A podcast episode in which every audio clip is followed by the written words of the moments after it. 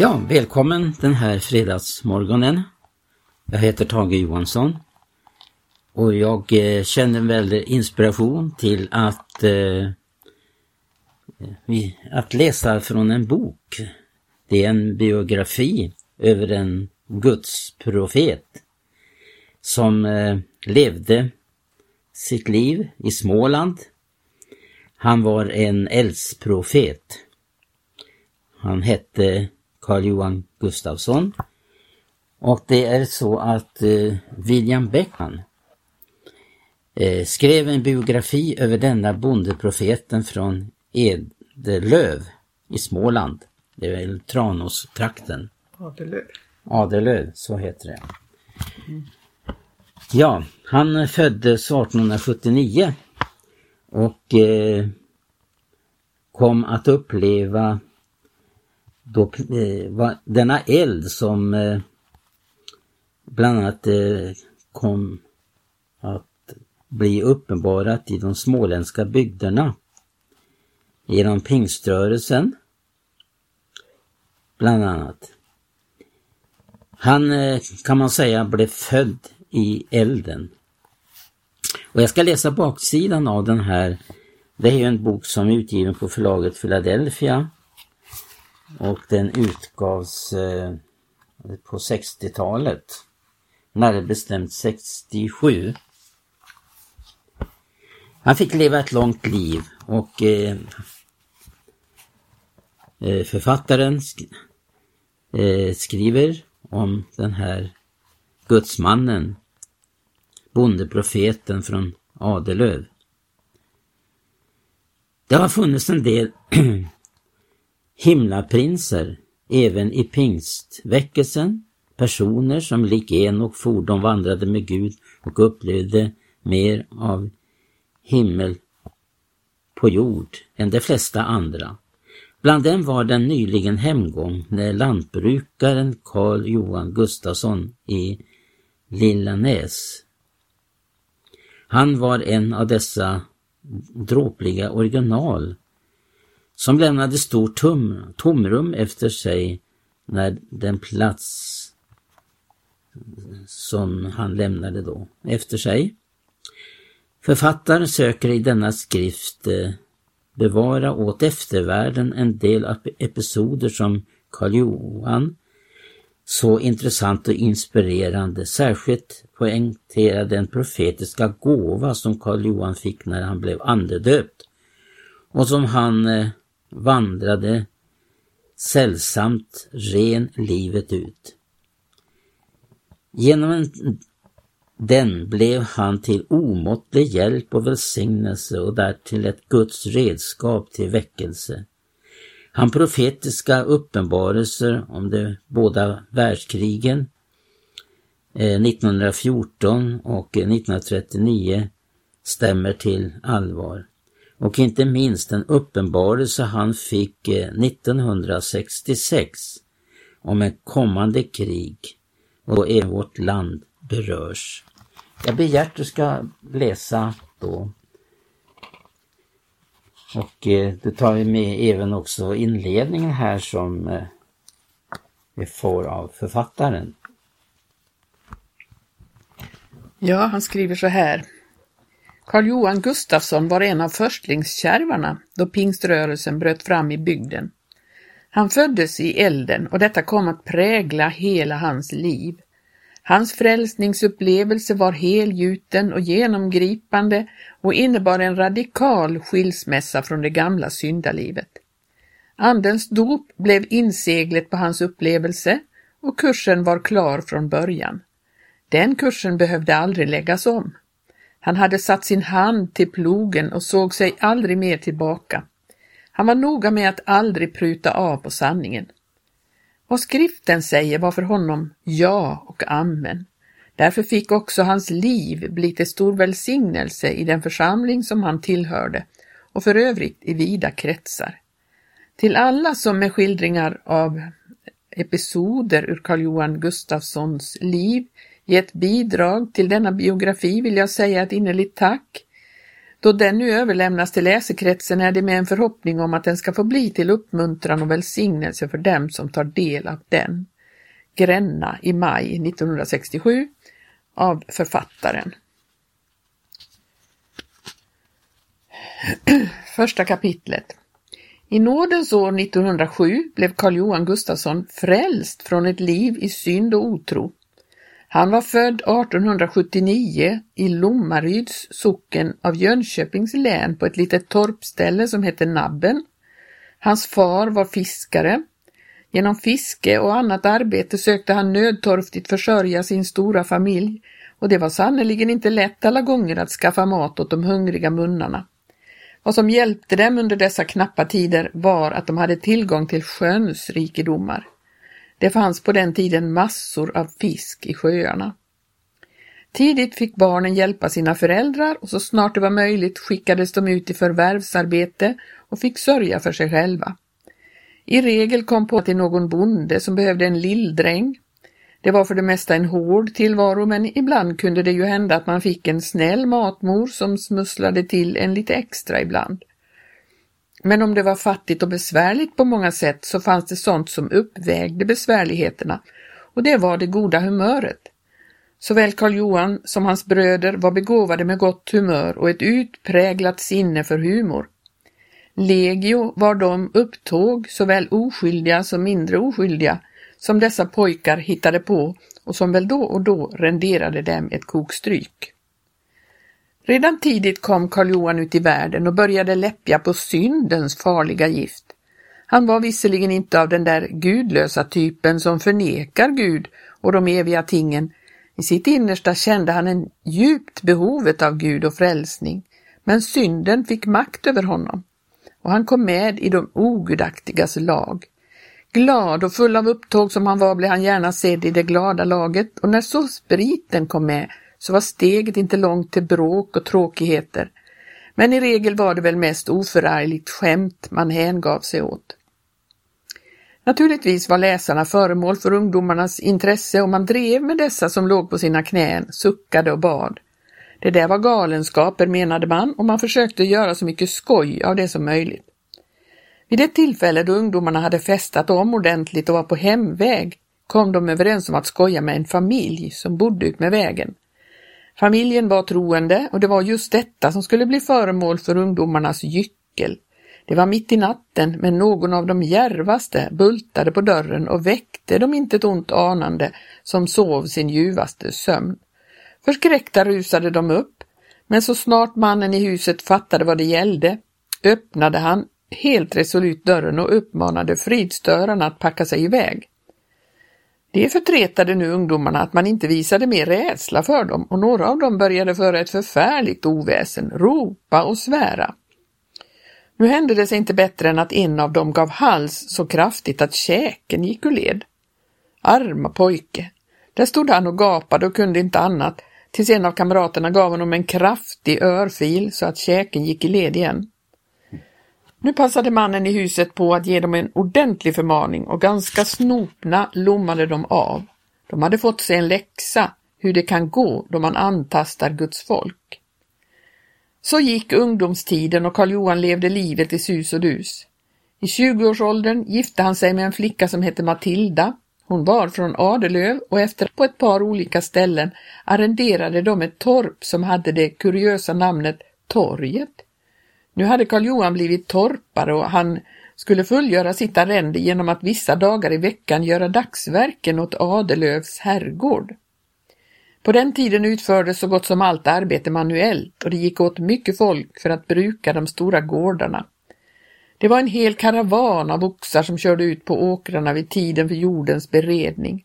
Här kunde man få se sju par oxar efter varandra på de långa tegarna då jorden plöjdes och bereddes.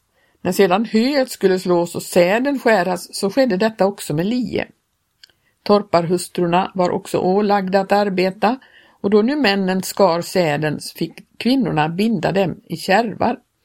Det var en vacker tavla att se ett sådant skördelag, något av helgd mitt under arbetet. Å andra sidan var det ett hårt jobb. Arbetsdagen började på den tiden redan klockan sex på morgonen och avbruten av ett par raster fortsatte den till åtta på kvällen då man fick gå hem för att fortsätta att arbeta på sin egen teg. Den skulle ju också beredas, besås och skördas. Ofta fick torparen ta natten till hjälp under sommaren för att hinna sköta om sitt eget lantbruk. Det var ett hårt och strävsamt liv men det fanns egentligen inte något annat att välja på. Inga andra arbetstillfällen och därför fick man hålla till godo med det som bjöds. Det var sannerligen inte arbetarna som dikterade lönevillkor och löneförmåner på den tiden. Semester var i stort sett ett okänt begrepp, liksom flera andra nutida förmåner. En torparhustru kunde få arbeta till dagen innan hon skulle föda sitt barn och någon moderskapspenning hade man aldrig hört talas om. Inte heller visste man vad barnbidrag eller skolfrukostar var för något. De anställda skulle göra sin plikt och utföra sitt arbete för att få behålla stugan och jordlappen som de så dyrt och strävsamt fick betala. Det underliga var att trots denna fattiga tillvaro och dessa torftiga förhållanden så fanns det kanske ändå bland dessa människor mer av förnöjsamhet än man finner bland vår tids blaserade människor. Sådana var allt nog de förhållanden under vilka Karl Johan hade, levt sina, hade att leva sina liv ett flertal år. Arbetsförhållandena ändrades lyckligtvis till det bättre så småningom. Ett stort steg togs då man inte behövde börja arbetet förrän klockan sju på morgonen och fick sluta klockan sju på kvällen. Det innebar en viss lättnad. Senare började maskinerna komma in i bilden. Man betraktade med förundran sånings- och slottermaskiner som ju kom på ett rätt så tidigt stadium. De yngre gladdes, men de gamla skakade på huvudet och menade att med de där maskinerna kunde ju arbetet aldrig bli ordentligt utfört mer. Det tar alltid tid att tänka om och bli övertygad. När så maskinerna ibland krånglade så fick man ju anledning att tro att man hade rätt. Hur det sen gick behöver jag inte berätta, det vet alla. Karl Johan föddes och växte upp under den stora folkväckelsernas tid. Folket i gemen var fattigt och okunnigt, Statskyrkan hade en väldig makt och brukade den ofta på ett sätt som var beklagligt. Den andliga friheten var ytterst beskuren, men den väckelsens stormflod som bröt fram under dessa tider kunde ingen makt hindra, inte ens den mest intoleranta statskyrkopräst. Fast nog gjordes allvarliga försök att dämma upp den andliga väckelsevågen. Den längtan och det behov av frälsning och frigörelse och den djupa hunger efter Gud som fanns i själarna bidrog till att skaror av människor med glädje tog emot det frigörande budskap som frambars av predikanter, kolportörer och troende präster. Överallt bildades grupper av troende och friförsamlingar. Jönköpings län var särskilt benådat då det gäller väckelsen. Karl Johan blev dock inte frälst under denna tid, men han var tidvis gripen av en stark längtan efter frälsning och frigörelse. 1907 är ett år som av skilda orsaker särskilt satt märken efter sig i vårt minne. Längtan efter ett rikare andligt liv hade länge varit ett bönämne för stora grupper bland de troende och detta år kom Gud på ett särskilt sätt. Profetian i Joels bok gick i uppfyllelse, Guds ande kom som på apostlarnas dagar och man upplevde på nytt den första pingstdagens under. Människor blev döpta i den helige ande och talade i nya tungor och profetians gåva var mäktigt verksam. Tider av väckelse kom också över bygden där Karl Johan bodde. Många människor som förr haft sitt liv i synd och värld upplevde frälsning och bland dem som tog emot Jesus som sin frälsare var även Karl Johans hustru Matilda. Karl Johan själv tycktes dock vara oberörd. Han skämtade med dem som gjort knäfall i missionshuset. Det där menade han är något som kommer att försvinna med vårvindarna och han fortsatte att leva som förut. Men Guds eviga armar var ute efter honom för att rädda och frälsa honom. Det blev inte så roligt att skämta längre. Ja, det började rent avkännas underligt i hans inre. En domens klocka ringde där inne i hans själ. Gud talade till honom om livets allvar och om evighetens längd. Var ska du tillbringa din evighet, Karl Johan? Gör det inom honom. Nu hjälpte det inte att han försökte slå bort tankarna och tysta ner den allvarliga rösten. Skämtet och gycklet kunde inte ens för en kort stund skänka honom något tillfredsställelse eller skingra de allvarliga tankarna. Som oemotståndligt pockande trängde sig in på honom. En synd han förr älskat började nu kännas som en tung börda, som för varje dag blev allt tyngre och det gick upp för honom med fruktansvärd visshet att han var på väg till en evig förtappelse. Du är förtappad, förtappad, förtappad, göd det i hans inre och han förstod att det var sant. Han hade kommit i en förfärlig nöd över sin ställning och såg sin synd och sin olycka, men då han sökte vända sig till Gud, då var själafienden strax framme och viskade i hans öra, inbilla dig inte Karl Johan att frälsningen är för dig, den är till för hyggligt folk. För dig är frälsningens dörr för evigt stängd, du som har hädat Gud och gycklat med de frälsta. Tror du att du någonsin ska kunna bli frälst? Karl Johan hade kommit i en fruktansvärd ställning. Plågad som han var av sitt anklagande samvete och frestad av djävulen att han var dömd att gå evigt förlorad var han nära att förtvivla. Han började nu besöka väckelsemötena i det närbelägna missionshuset där missionspredikanten Gustav Kjellman predikade med ungdomlig glöd och hänförelse och där många tog emot budskapet med glädje och blev frälsta. Men för Karl Johan blev det snarare värre än bättre. Synden framträdde övermåttan syndig för honom och bördan i hans själ blev allt tyngre. Till slut var det kolsvart natt i hans hjärta. Han såg ingenting annat än förtappelsens hemska avgrund gapa emot sig. O, vilken dåre jag var, suckade han, som inte tog emot Guds nåd då jag hade tillfälle. Nu är det för sent. En dag då han skötte om sina djur i ladugården kom syndanöden över honom på ett förkrossande sätt och han kände sig helt förlorad. I sin nöd och ångest föll han på sina knän och ropade till Gud. Likt salmisten fordon bad han Herre, förkasta mig inte från ditt ansikte, förbarma dig över mig, arme syndare. Han ropade och grät i sin ångest. Då hörde han tydligt en röst tala till sig alldeles som en människa talar. Synderna är dig förlåtna för hans namns skull. Gå i frid och synda inte härefter.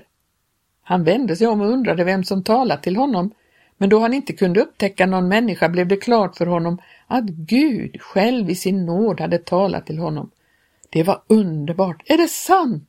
Är det sant? ropade han. Men han förnam samtidigt i, i sitt inre att det var sant. Guds frid började fylla hans hjärta och han upplevde Guds närvaro. Det hade blivit tyst med samvetets anklagelser och tyst på fiendens skrämmande tvivel Borta var den tyngande bördan av synd och dom och snart förbyttes tårarna i jubel. Han jublade av glädje och prisade Gud för frälsningens rika gåva. Vilken underbar förvandling! Syndaträlen hade blivit en Guds frigivne. När porten till frälsningen var så härlig, vad skulle inte då komma efter detta? Då han kom in till sin hustru började han berätta för henne vad Herren hade gjort med hans själ. Hon trodde först att han skämtade, hon var så van vid hans gyckel och skämt om allting och tog honom inte heller nu på allvar. Karl Johan, sa hon med allvar och skärpa i rösten, om du inte själv vill bli frälst så ska du i alla fall låta bli att skämta med frälsningen. Då han ingenting svarade på hennes förebråelser och hon såg att han gråtit, förstod hon dock att något verkligen hänt med hennes man. Och vilket jubelmöte blev det inte i deras enkla hem. De upplevde himmelens närhet på ett underbart sätt då de nu båda gemensamt kunde tacka Gud för frälsningens stora gåva. Nu började en ny tid för Karl Johan. Han hade verkligen upplevt en underbar förvandling och frimodigt vittnade han för vänner och arbetskamrater om vad Herren gjort med hans själ.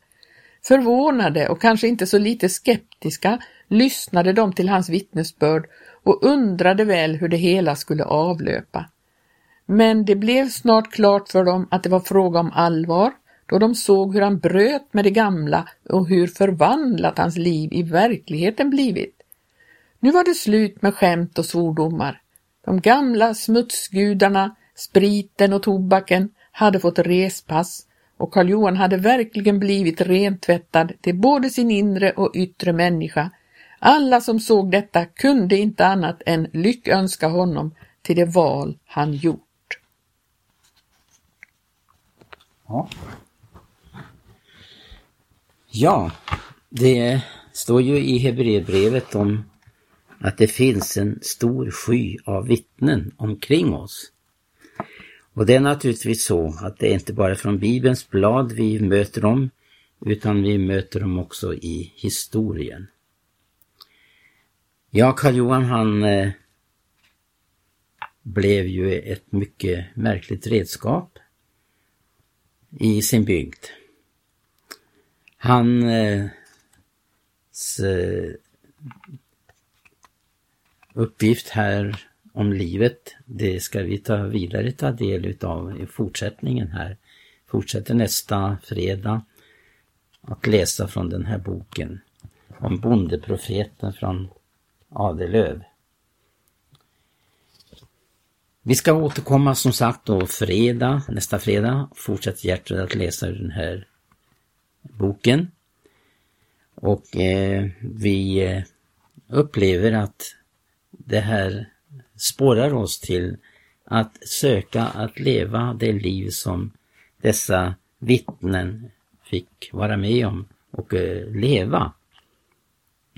Han fick ju vara en verklig profet och han fick ju erfara eh, den gåvan påtagligt.